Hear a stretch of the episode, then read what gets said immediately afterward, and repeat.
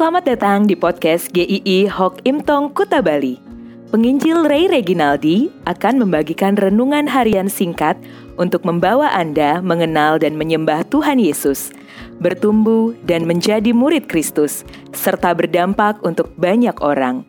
Jika Anda merasa diberkati melalui renungan ini, silahkan bagikan podcast ini agar orang lain juga diberkati. Inilah renungan hari ini.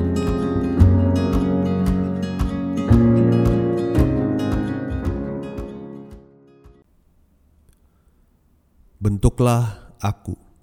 Yeremia 18 ayat yang keempat.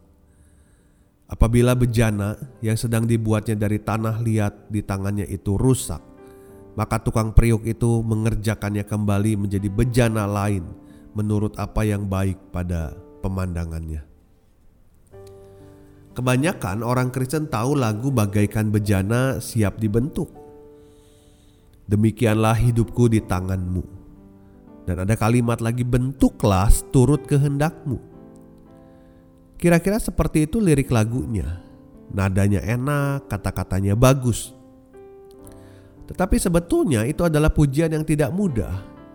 Karena berarti siap dan rela untuk diapakan saja oleh Tuhan.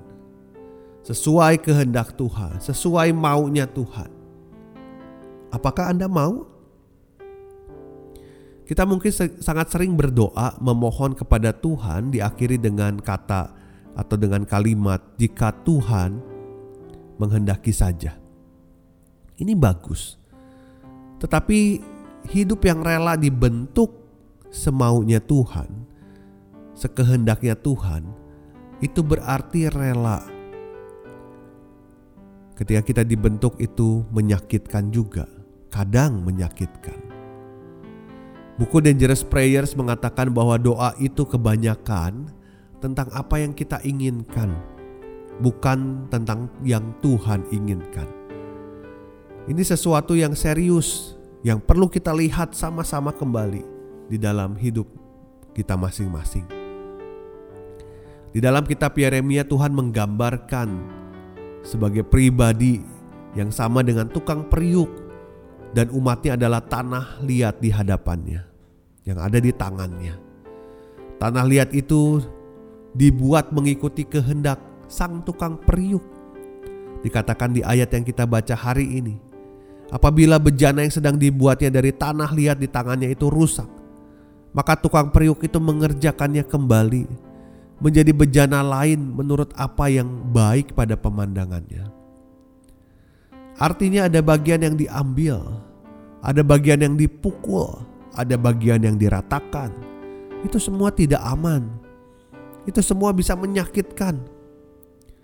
Tetapi Tuhan mau kalau hidup anak-anaknya setiap waktu dibentuk semakin indah. Sekalipun itu mungkin bisa melalui penderitaan. Mungkin bisa melalui kehilangan. Juga mungkin melalui kekecewaan. Kesalahan yang bisa terjadi pada orang Kristen adalah ketika merasa dirinya adalah bejana keramik yang sangat indah dengan ukiran-ukiran yang menawan. Merasa dirinya artinya cukup dewasa dengan iman. Tidak perlu dikoreksi, tidak perlu bertumbuh, tidak boleh ditegur. Buku Dangerous Prayers menyebutkan pembentukan diri di hadapan Tuhan dengan break me, hancurkan saya. Maksudnya Tuhan perlu menghancurkan dari diri kita yang tidak sesuai dengan kehendak Tuhan. Kesombongan kita, kemandirian kita yang merasa kita bisa segala-galanya, pengandalan kita pada hal-hal yang fana, pada jabatan, pada uang, dan sebagainya. Semua ini tidak mudah, tetapi ini membuat kita akan lebih dimurnikan untuk mengenal Tuhan, mengandalkan Dia sepenuhnya dalam hidup. Ada sebuah lagu yang berjudul Murnikanku. Lagu yang liriknya sangat-sangat memberikan refleksi untuk setiap orang. Apakah selama ini hidup kita sungguh-sungguh hanya untuk Tuhan atau untuk diri kita?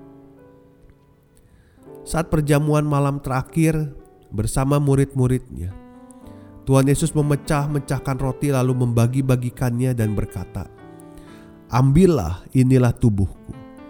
Kehancuran terparah adalah ketika Tuhan Yesus menyerahkan hidupnya dihancurkan, dicabik-cabik untuk menanggung dosa manusia supaya kita bisa dibentuk kembali menjadi serupa dengan apa yang dikehendakinya.